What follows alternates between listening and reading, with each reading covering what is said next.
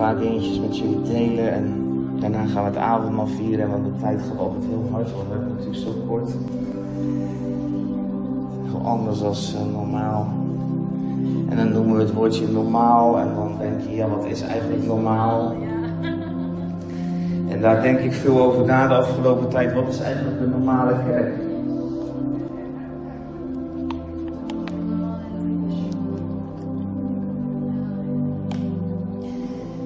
Heel eerlijk zeggen, die vraag werd getriggerd doordat iemand met mij sprak en die zocht, ja, ik zoek eigenlijk een normale kerk.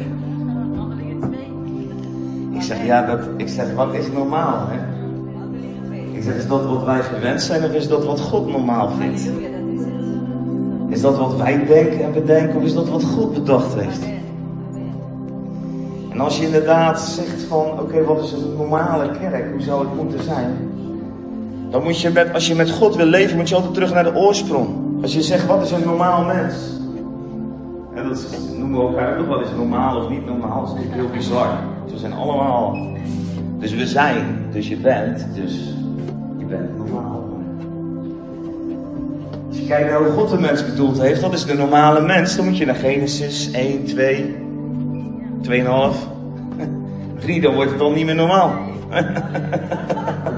Dat gaan we eigenlijk niet meer normaal doen. Dan laten we de connectie met God los. Dus als we, als we teruggaan daarheen, dan is altijd Gods plan. En Gods plan is nooit veranderd. Met de mens niet. En zo is Gods plan ook nooit veranderd met zijn gemeente, de kerk. Nooit. God gaat zijn plan niet veranderen. Als in Handelingen 2 de gemeente geboren wordt, omdat er 120 mensen eendrachtig bij elkaar zijn in gemeenschap. En de Heilige Geest daar valt als een belofte die vanuit het Oude Testament gegeven is. Dan wordt de Ecclesia geboren, de gemeente van God, de regerende vergadering. En dan ziet dat er in eerste instantie niet zo heel normaal uit. Ook niet voor de mensen die op dat moment daar waren. Nu liepen een aantal van die mensen natuurlijk al heel lang met Jezus mee, dus ze waren wel gewend aan niet normale dingen, om die term dan maar te blijven gebruiken. Als je s'nachts lekker aan het varen bent en iemand komt voorbij lopen op het wachten, ja, dat is niet normaal. Maar eigenlijk dus wel. dus, dus, dus normaal, de definitie van normaal wordt bepaald door het woord van God en door wat God openbaart. Niet onze openbaring, hoewel God ons kan helpen om dingen te ontvangen. Niet de geschiedenis van de kerk of van zijn gemeente. Ook niet de theologie of hele grote christelijke persoonlijkheden bepalen wat normaal is. Maar het woord van God en God zelf bepaalt wat normaal is. Dus als wij gaan zoeken naar de normale kerk, en ik geloof echt dat we op dit moment in een enorme transitiefase terechtkomen. Ik geloof dat met heel mijn hart. Ik zie dat ook als ik aan het bidden ben over de kerk. Dan zie ik dat God op dit moment alles wat er gebeurt in deze tijd in 2020 ons echt gebruikt om een nieuwe, als het ware, het nieuwe normaal, maar dat is eigenlijk het oude normaal, opnieuw geboren te laten worden. Om al het stof eraf te schudden, om alle lauwheid en loosheid die er is in zijn gemeente, in de kerk, in het lichaam van Jezus hier op aarde, om dat eigenlijk als het ware weg te schudden. En dan gaan we terug naar hoe het begon. Want dat was Gods plan. En Gods plannen falen niet en veranderen niet. God is onveranderlijk dezelfde. En als hij zijn gemeente opnieuw vorm gaat geven, als hij zijn gemeente gaat bekeren eigenlijk, dan zal je zien dat het er weer uit gaat zien zoals het er toen uitziet.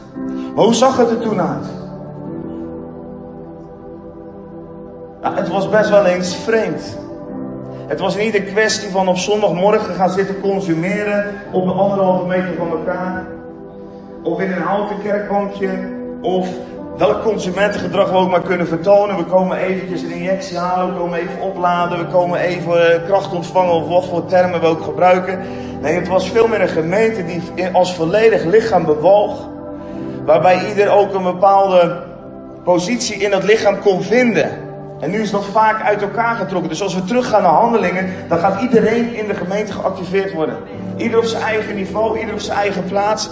En dan gaan we dus vanuit de Heilige Geest werken. En dat is niet altijd normaal om te zien. Als je in Jeruzalem alleen al zag wat mensen zeiden over de discipelen, dan zeiden ze die mensen lijken wel dronken. Als je kijkt in een Korinthebrief, een gemeente waar best wel heel veel aan de hand was, maar waar Paulus bewust ook die gemeente prees om het feit dat ze zo bewogen vanuit de kracht van de geest, uh, zegt hij ook gewoon, ja, als mensen jullie eredienst binnenkomen, dan lijkt het wel een of andere uh, dronken bende. Om het even in mijn woorden te zetten. Dus er zit een evenwicht in die dingen. En normaal is niet altijd wat wij normaal vinden. Normaal is wat God normaal vindt. En als we dan gaan lezen in die eerste hoofdstukken. En ik geloof echt dat God zijn kerk terug gaat transformeren naar dat. Omdat we in een tijd komen waarin het licht lichter wordt. Waarin het duisternis duister wordt. Dat we terug moeten naar een kerk die beweegt vanuit de pure connectie en de pure kracht vanuit de hemel. Waarbij elke show of theater weg is. Of in ieder geval dat het duidelijk is, dit is maar show of theater. En waarbij de kracht van God weer centraal komt te staan in de gemeenschap en in de individuele levens. Jeruzalem, Antiochië, Efeze, Berea, Korinthe, ze hadden allemaal hun eigen kenmerken, maar ze waren allemaal nog steeds gemeentes die op die manier bewogen. Gemeentes die gericht waren op het grotere doel, namelijk Jezus Christus te verkondigen op deze aarde als de redder en de oplossing voor ons hulp. Om het koninkrijk van God te bouwen samen met de koning. En het koninkrijk van God is niet een koninkrijk van bla bla bla. Maar het is een koninkrijk van kracht. Dat is een koninkrijk van genezing, heling, bevrijding. Dat is een koninkrijk die zichtbaar werd in, het oude, in de oude tijden. Toen de handelingen en, en over heel Azië begon te verspreiden, werd het zichtbaar aan de, in, de, in de huiskamers. Aan de keukentafel, waar mensen bakje koffie zaten te drinken met elkaar. En waar ze met elkaar spraken over Jezus. En waar ze Jezus niet alleen vertelden, maar waar ze Jezus demonstreerden. En waar die demonstratie van Jezus gezien werd en waarbij mensen helemaal niet meer konden twijfelen of Jezus echt was. En dat vraagt wat van ons. Dat vraagt heel wat van ons. Als je de reis van Jezus met zijn discipelen bekijkt, waarin hij ze voorbereidde op wat komen zou, dan zie je dat het een reis is die. We hebben vaak zo'n beeld van, oh we hadden ook wel graag, ik, ik tenminste ook wel graag met Jezus ook meegelopen. Dat was gaaf als je discipel van Jezus bent en dan zie je al die wonderen, die tekenen. Maar je moet dus de tijd nemen. Ik heb dat vorig jaar eens een poosje gedaan om bijvoorbeeld het evangelie van Lucas te lezen en dan overal een cirkeltje zetten omdat Jezus tegen de discipelen zegt. Dat is echt niet zo altijd even bemoedigend hoor. Maar het is wel liefde, want hij was liefde. Liefde is niet altijd even zoet en lief. Jezus zegt heftige dingen heftige dingen. En het heeft mij echt veranderd ook in het denken over God en in het denken over mezelf. Jezus zegt dingen als van, waarom noem je mij Heere, Heere en doe niet wat ik zeg. Dat zegt hij niet tegen de fariseeën, dat zegt hij tegen die mannen die alles, alles hadden achtergelaten om hem te volgen. is één voorbeeld. En dat gaat maar door, dat gaat maar door. Hij is scherp, want hij heeft lief. Ik geloof dat we een gemeente gaan worden die scherp is omdat we lief hebben die niet bedekt, maar die juist ontdekt en die de juiste bedekkingen verwijdert. Die waarheid durft te spreken vanuit genade. Waarin zo'n grote liefde is. Kijk, Jezus was zoveel liefde dat hij ook de waarheid kon zeggen. En die waarheid die was vaak scherp.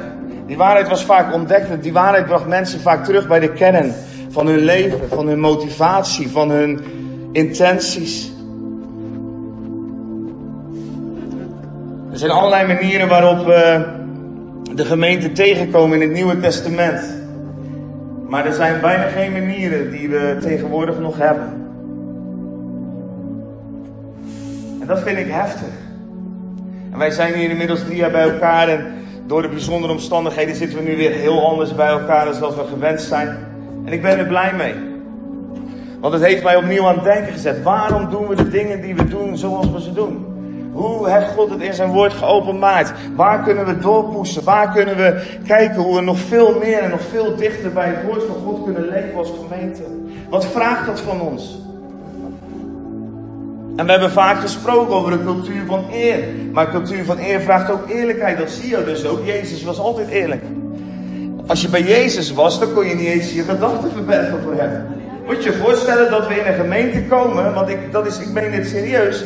Als de heiligheid van God toeneemt, dan gaat dat gebeuren. Dat kunnen we ook elkaar doorzien. Het staat letterlijk in de Bijbel. Hè? Dus in de Bijbel, in Korinthe 14, eh, kan je lezen dat als iemand de samenkomst binnenkomt, dan openbaren we zijn hartsgeheimen. Dan valt hij op zijn knieën en zegt hij, Jezus is Heer. Kijk, dan wordt het welkomsteam interessant. Dan krijgen we er zin in. Welkom. Mag ik iets aan u vragen? Ik zie en dit. Jezus is hier. Halleluja, met u weer Zo is het bedoeld. Als je bij Jezus was, in zijn aanwezigheid, dan staat er gewoon dat hij hen doorzag. Hij wetende wat er in hun omging, zei tegen hun, loop je lekker achter de maan, een beetje te momperen in jezelf. Hey, hoppie. Niet zo moedeloos, hè? Maar hoe weet u dat dan? Ja. Zo mooi, als elkaar tegenkomen, ik kom Rick tegen. Rick, kom op man, niet zo moedeloos. Ja, maar ik loop toch te lachen, je bent moedig. Ja. En dan komen de tranen. Van jou weet ik het gewoon. Dat mag niet.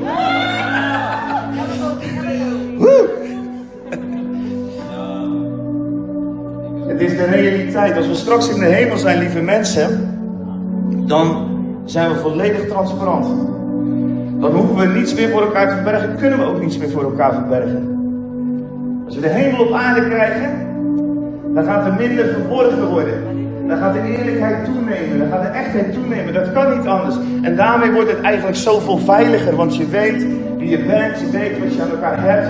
Je weet dat je op elkaar kunt rekenen. De eerste christengemeente was een scary voor mensen die dingen te verbergen hadden. Ananias en Sapphira die dachten van, nou weet je wat we doen? We willen er ook bij horen. Laten we even een goede sier maken. Was niet een goed idee. Geloof overigens dat ze in de hemel zijn. Geloof ik echt. Dat is het punt helemaal niet.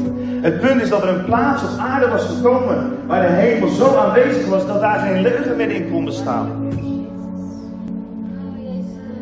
Dat is waar we naar verlangen. En als ik dan zo bezig ben, een paar weken, om dat soort dingen gewoon eens in mezelf op te nemen. Wat gebeurde er in die eerste christengemeente? Dan kom ik ook in mezelf die angsten tegen en denk, verlang ik daar wel echt naar? Heb ik daar wel honger naar? Ben ik wel bereid te delen? Ben ik wel bereid te geven? Ben ik wel bereid zo te leven zoals het daar ging? En is het antwoord is geen, is geen andere optie. Het is Gods wil. En als we Gods wil willen gaan gehoorzamen, dan zullen we keer na keer onszelf moeten afleggen. Dat is ook zo'n zo'n woord wat Jezus zegt. Verlogen jezelf en neem je kruis op. Verlogen jezelf, dan moet je tegen je psychiater zeggen. Dan laat hij gelijk 25 keer terugkomen. Ja. Maar dat is dus het antwoord van de hemel. Zeg je, stop nou eens met jezelf op die manier serieus te nemen. Verlogen jezelf. Ga nou eens niet zo ontzettend belangrijk alles vinden wat er met jou gebeurt. Focus je nou eens op mij. Wil jij de dingen in de wereld overwinnen? Focus je op mij. Wil jij je moeite, je zorgen, je zonde overwinnen? Focus je op mij. Verloochen jezelf. Maak je nou eens niet zo druk om jezelf. Focus je op mij. En dat is het antwoord. Dat is het antwoord van de hemel. En er is geen andere weg. En als God dingen gaat, gaat herstellen, dan is dat wat we gaan zien. En dan gaan we zien dat zijn aanwezigheid, zijn heerlijkheid toeneemt. En dan gaan we zien dat dingen gereinigd zullen worden. En dat er dingen geschud zullen worden. Zoals in Handelingen 4, waar we twee weken geleden voor gebeden hebben. Dat de dingen gingen schudden in dat huis. En dat de Heilige Geest opnieuw kwam. Omdat de gemeente ging bidden. Heer, beweeg met ons mee in tekenen en wonderen door de naam van uw heilige kind Jezus. En dan gingen dingen schudden, het huis ging bewegen. Als jij hier bent vandaag, als jij geconnect wil zijn met de gemeente van God, die daadwerkelijk getransformeerd wordt tot hoe God het wil, dan zullen de dingen gaan bewegen in je leven. Daar kan je niet gaan aan ontkomen. Dat is hoe het werkt. Dat is hoe het werkt als de hemel op aarde komt. Kijk, wij vinden het mooi om daar de mooie kant van te zien. En dan zeggen we ja, wonderen, tekenen, krachten. En ik hou ook van wonderen, tekenen, krachten. Maar die wonderen, tekenen, krachten kunnen niet zichtbaar worden als er geen bereidheid is dat dingen geschud zullen worden. Het kan niet. De hemel die op aarde komt, gaat altijd het stof in beweging brengen. Gaat altijd de, dood, de door het doodweteren tot leven brengen. Het kan niet anders. Het leven van Jezus, de hemel op aarde in het graf bracht Lazarus tot leven. En Lazarus moest gaan bewegen om eruit te komen. En ik zeg je vanmorgen, je zal moeten gaan bewegen mee met de adem van God. Om uit dat graf te komen, om tevoorschijn te komen, om op te staan. Als Lazarus nou was blijven liggen. Het is de adem van God die gaat ademen in jou. Hoe bizar is het dat in 2020, een jaar waar al zoveel over geprofiteerd is, en twee dingen alleen al gebeuren en het jaar is nog niet voorbij, die te maken hebben met de adem Er is een virus wat ontstaat, corona, wat mensen de adem beneemt, letterlijk. Wat slaat op je luchtwegen. En we zitten nu midden in een beweging waarbij mensen over de, over de, in, in de straten lopen. I can't breathe. Het gaat over de adem. Het is een teken van God dat Hij zijn adem opnieuw wil blazen. En God wil het altijd doen in zijn gemeente. Hij wil het altijd doen in jou, want jij bent zijn gemeente. Als je ja gezegd hebt tegen Hem. En als Hij gaat blazen, denk terug aan Genesis. In het stof van jouw leven. Dan komt te leven. Als Hij gaat blazen in een vallei vol door het Duitse En misschien ziet jouw leven er zo uit. Dan komt te leven. Als Hij gaat blazen in een dode kerk. Vol stof. Letterlijk en figuurlijk. Dan komt het leven. Dan komt het leven. Dan gaan de huizen schudden. Dan gaan dingen bewegen.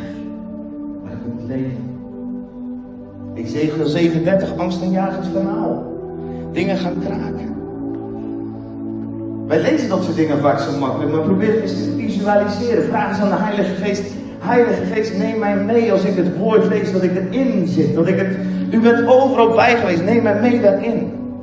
als je dan naast Ezekiel staat in de geest, en je ziet wat daar echt gebeurt, nou dan zou je liever wegrennen. Dan zou je liever wegrennen. Want dat is niet een prettig schouwspel. Ik geloof dat er tijd in gaat. Een tijd waarin God jou vraagt om krachtig op te staan. Een tijd waarin Hij zijn kerk gaat schudden en bewegen.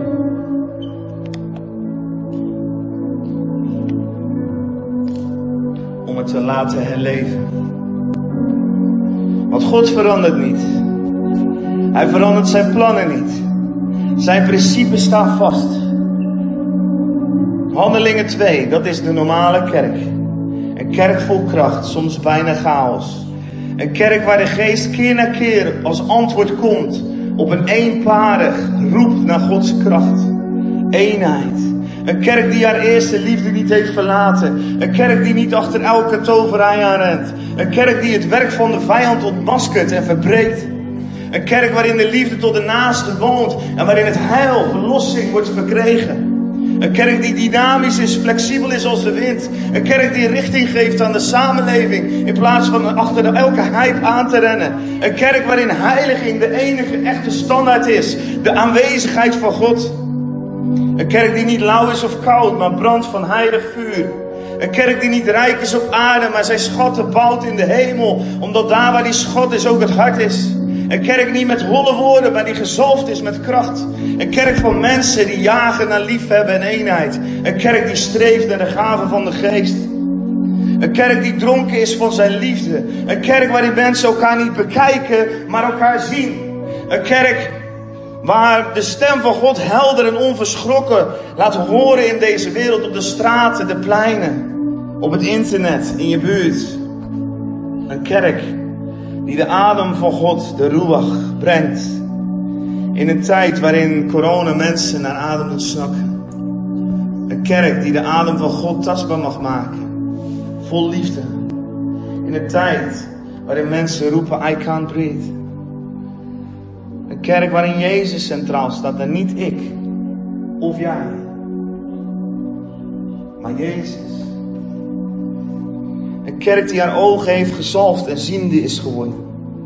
Een kerk waarin we ons ook niet focussen op het onkruid, maar op de oogst. En die velden die zijn wit. Een kerk die zich druk maakt om onrecht en onecht. Een kerk die zich bekleed heeft met de witte klederen die zijn gewassen. In het bloed van genade van het lam van God. Een kerk die leeft, zelfs als het de naam heeft bekend te staan in de wereld als iets wat dood is. Een kerk met oren die horen wat de geest tot de gemeente zegt. Een kerk waarin het normaal is om elkaar te eren. Een kerk waarin het normaal is om elkaar te helpen. Een kerk waar het normaal is om de geest met kracht te ontvangen en ook weer door te geven. Een kerk waar het niet gaat om de voorganger, de doorganger, de blijfhanger, maar waar het gaat om Jezus, de Christus, de verheerlijkte, de verhoogde, de koning, de zoon. De Alpha, de Omega, een kerk die leeft omdat Hij leeft. Een kerk die leeft vanuit opstandingskracht, omdat Hij in ons woont.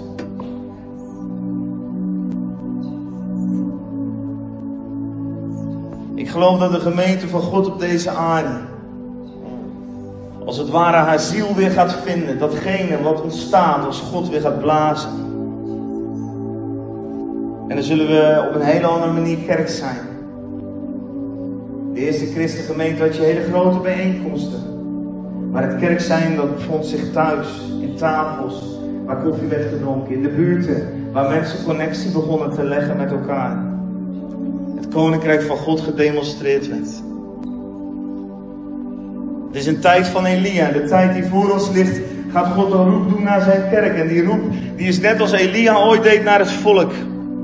En hij zei dit. Kies heden wie gij dienen zult. Hoe lang hinkt gij nog op twee gedachten? En dat doen mensen. Ze hinken op twee gedachten. Een beetje van de kerk en een beetje van de wereld. Een beetje van God een beetje van de wereld. Maar kijken wat er goed uitkomt. Kijken wat het beste past in je agenda. Jouw agenda is voor God. Laat Hem bepalen wat past in jouw agenda. Een beetje van dit, een beetje van dat, een beetje zus en een beetje zo. Het is voorbij. Mensen zullen moeten gaan kiezen.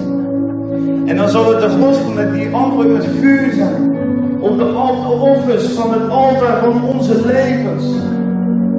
Zoals Romeinen zegt dat we ons leven mogen brengen als een offer. Antwoordt met het vuur, dat mensen zullen gaan kiezen om Hem te volgen. En in het verhaal van Elia komt er daarna de regen. En zeven keer moet hij de berg op. En dat spreekt over een tijd van doorzetten en van volharden. Zeven keer weer moesten gaan kijken of er al een wolk was. En toen was er die kleine wolk. En ik zie die kleine wolk al. Ik weet niet of jij hem ziet. Maar ik zie die kleine wolk al de afgelopen jaren. Ik zie die kleine wolk al als ik op de berg met God sta. Ik zie die kleine wolk al daar in de verte. Terwijl de droogte hier soms nog is. Ik zie die kleine wolk al over de kerken. Over traditionele kerken. Ik zie die kleine wolk al hangen boven de kerkverlaters. Ik zie de kleine wolk al hangen over mensen die het woord in hun hart meedragen. Ik zie die kleine wolk. En ik weet dat er een dag is dat ik op de berg zal staan. En dan zullen we met elkaar op die berg staan. En dan zullen we net als in dit verhaal van Elia zien dat de lucht zwanger is van de regen. En dat die wolken daar hangen. En dat er letterlijk staat, de lucht met donker van de regen. En dan gaat het regenen. Dan gaat het regenen. En dan gaan die rivieren stromen hier op aarde. Dan gaan die dorre lege beken gaan gevuld worden met de genade en de liefde en de glorie van God. En dan gaat het land vruchtbaar worden. En dan gaat alles wat in het land verborgen is, alles wat gezaaid is in de eeuwen, gaat opkomen, gaat groeien. En dan gaan we oogsten. En dan gaan we de oogst binnenbrengen. Met gejuich. Want wie met die tranen zaait, zullen met gejuich baaien. Dus hou vol. Hou. En ga met je vader op de berg staan. En kijk uit naar die wolken.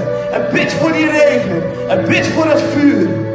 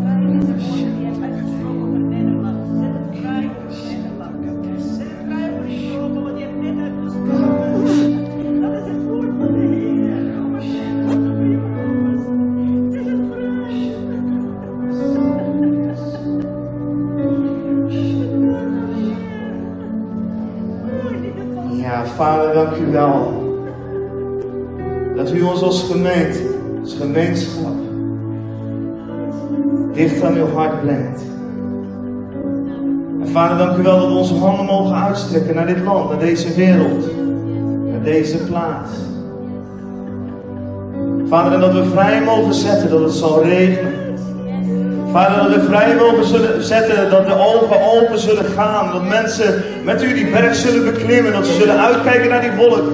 Vader, we bidden dat elke blindheid verbroken zal worden. We bidden voor ogen, zal voor de gemeente, waar openbaringen 3 over spreekt. Vader, zodat de ogen geopend zullen zijn, zodat de kerk zal zien.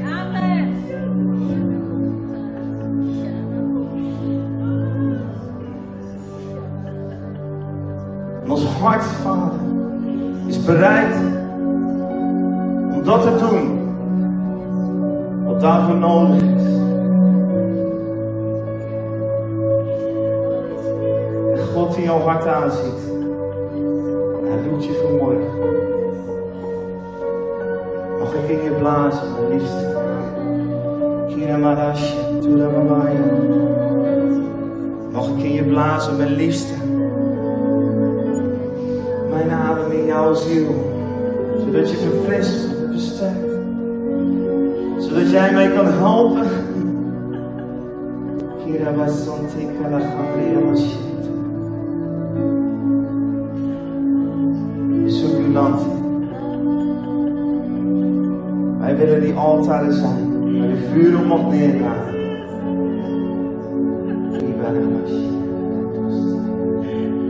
Tot de eer van